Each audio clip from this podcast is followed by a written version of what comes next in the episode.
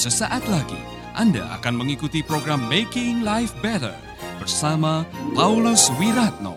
Selama 15 menit ke depan, Anda akan belajar membuat kehidupan lebih baik.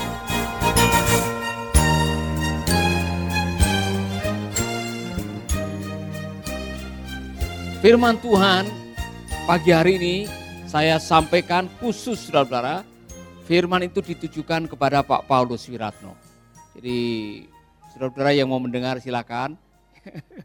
yang tidak mau mendengar juga silakan. Tapi saya diberkati dari ayat-ayat ini. Maka saya mengatakan mungkin ini firman buat saya. Firman ini menegur, menemplak, mengevaluasi, eh, menginspirasi menjadi awasan buat saya. Empat kondisi yang bisa menjatuhkan hidup Anda. Saya tertarik dengan ini oleh karena kita semua bisa jatuh dalam kehidupan ini. Saudara-saudara, siapa menyangka orang yang diurapi oleh Tuhan. Dalam satu uh, kisah hidupnya, ia bisa melakukan sesuatu yang benar-benar mendukakan Tuhan. Mengapa saya mengatakan ini firman buat saya? Karena saya bisa melakukan itu, saudara bisa melakukan itu. Tidak pandang siapa pun juga yang namanya dosa itu bisa mengancam siapa saja. Katakan kepada teman saudara, tidak ada manusia yang kebal dosa. Tidak ada manusia yang kebal dosa, termasuk pendeta. Amin. Nah mari kita akan melihat kondisi seperti apa yang bisa menjatuhkan kita. Belajar dari Daud. Saudara bisa membaca di dalam 2 Samuel pasal 12 ayat 7 sampai 13. Saudara akan menemukan sebuah kisah. Setelah Daud meniduri Betseba istri Urea dan wanita itu akhirnya hamil. Maka Tuhan menyuruh Nabi Nathan untuk mengingatkan, menegur dan menyampaikan hukuman. Hukumannya seperti ini. Kata Nathan kepada Daud, bagindalah orang itu. Dan inilah yang dikatakan Tuhan Allah Israel. Engkau sudah kuangkat menjadi raja atas Israel dan kuselamatkan dari Saul. Kerajaan Saul dan istri-istrinya telah kuberikan kepadamu. Bahkan engkau kuangkat menjadi raja atas Israel dan Yehuda. Seandainya itu belum cukup, pasti akan kuberikan lagi kepadamu sebanyak itu mengapa engkau tidak memperdulikan perintah-perintahku? Mengapa kau lakukan kejahatan itu? Urea kau suruh bunuh dalam pertempuran. Kau biarkan dia dibunuh oleh orang Amon. Dan kau ambil istrinya. Karena engkau tidak mentaati aku dan kau ambil istri Urea. Maka dalam, dengar baik-baik dalam setiap keturunanmu. Turun temurun ada yang mati terbunuh. Aku bersumpah akan menimpakan malapetaka terhadapmu yang datangnya dari keluargamu sendiri. Aku akan mengambil istri-istrimu di depan matamu sendiri dan kuberikan kepada orang lain yang akan tidur bersama mereka pada siang bolong. Engkau telah berbuat dosa dengan diam-diam. Sebaliknya aku akan membuktikan ancamanku dengan terang-terangan di depan seluruh Israel. Lalu kata Daud kepada Nathan, aku telah berdosa terhadap Tuhan. Jawab Nathan, Tuhan telah mengampuni baginda, jadi baginda tidak akan mati. Mengerikan saudara, titik puncak Daud diwarnai dengan peristiwa-peristiwa yang tidak menyenangkan kehidupan dan tidak menyenangkan hati Tuhan. Dan di sinilah titik terburuk dalam kehidupannya sebagai seorang raja. siapa pun dalam hidup ini, termasuk saudara dan saya, kita bisa jatuh. Maka waspadai kondisi-kondisi yang menjatuhkan. Yang pertama, ketika Anda berada di atas.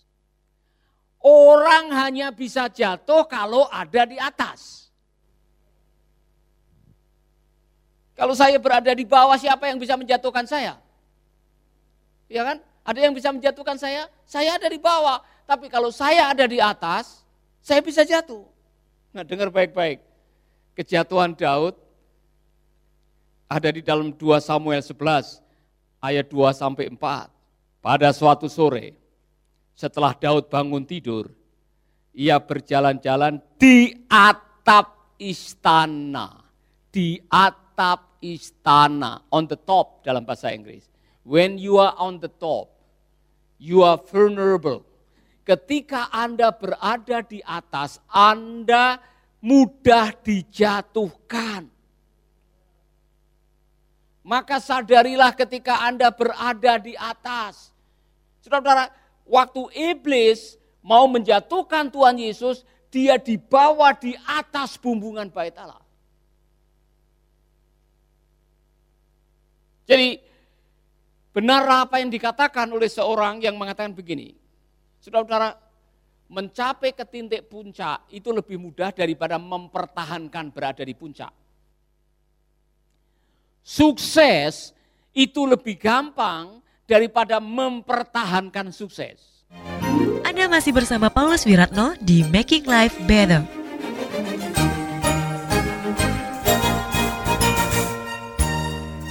Catat baik-baik ya.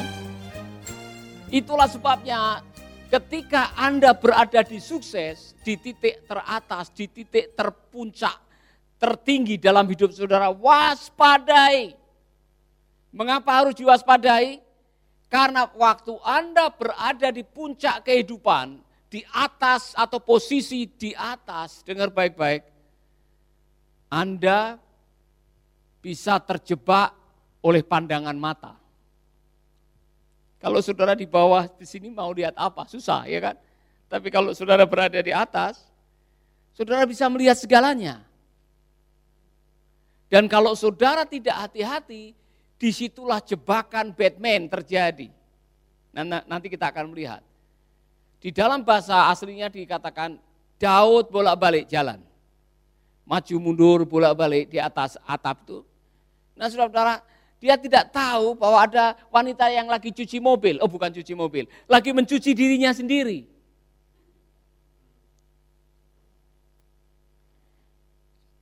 Saudara-saudara, waktu Anda berada di atas, memberikan kepada kita beberapa pelajaran. Satu, tulis baik. Catat ini saudara. Waktu Anda berada di puncak, bisa-bisa anda masuk di dalam zona nyaman. Tidak ada tantangan dalam hidup. Yoab dan seluruh tentara lagi berperang melawan Bani Amon dan sebagainya. Daud tidur-tiduran. Karena apa? Saya sudah mencapai semuanya. Selama ini setiap kali perang menang, setiap kali perang menang. Daud sudah dielulukan menjadi pahlawan yang gagah perkasa. Ngapain saya perang lagi? Daud merasa dia baru saja diteguhkan menjadi raja atas kedua kerajaan Israel dan Yehuda. Dia sudah mengalahkan keturunannya Saul sudah tidak bisa bikin apa-apa lagi. Dia sudah mencapai segalanya. Tantangan terbesar dalam hidup ketika saudara merasa tidak punya tantangan.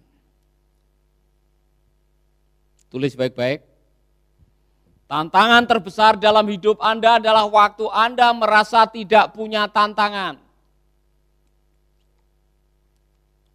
Apa yang terjadi waktu Anda merasa tidak punya tantangan? Terlena. Kehilangan fokus, kehilangan arah, kehilangan passion. Sudah tidak tahu mau bikin apa lagi. Akhirnya hanya jalan-jalan lihat orang mandi.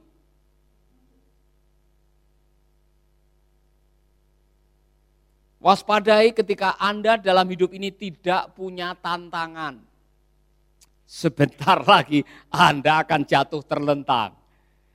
Karena saudara yang membuat kita berserah kepada Tuhan, yang membuat kita mengandalkan Tuhan, yang membuat kita rajin berdoa, yang membuat kita membaca firman, ketika kita merasa hidup ini ada tantangan. Iya kan? Waktu sudah tidak ada beras, waktu baru kena PHK, waktu anak-anak kita sakit, waktu cinta kita ditolak, kita lipat tangan dan berdoa memohon kepada Tuhan, ya kan? Kita berdoa dan mengatakan kuatkanlah oleh rohmu ya Tuhan. Ini lagu lama. Setelah ada di puncak, saudara punya segalanya, mau doa apa lagi?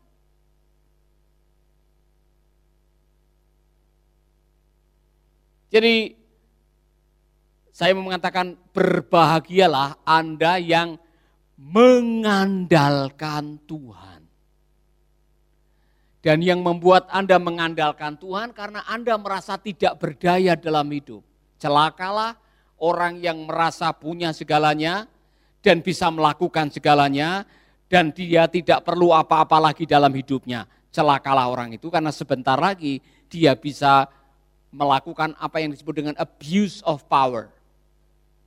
Menyalahgunakan posisi kehidupan, termasuk menyalahgunakan kekuasaan.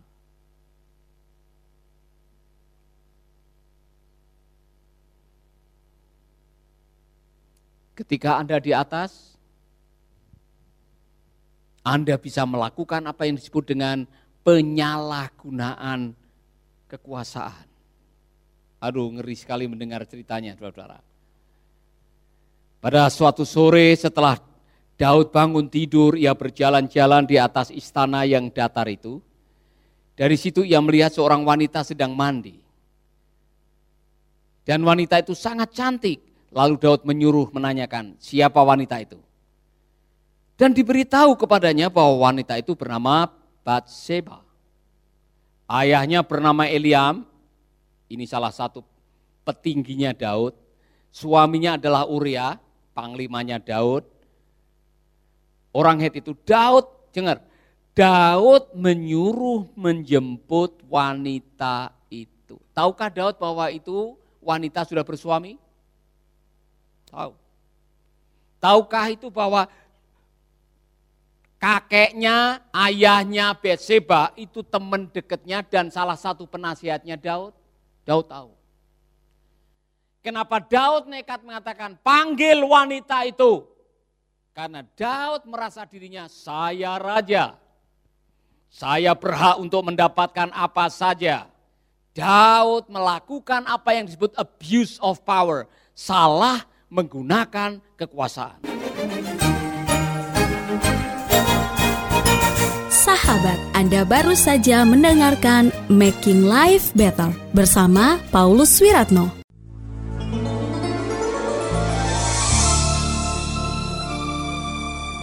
Keluarga Gracia, biarlah firman Tuhan selalu menjadi pelita dalam hidup kita sepanjang tahun ini.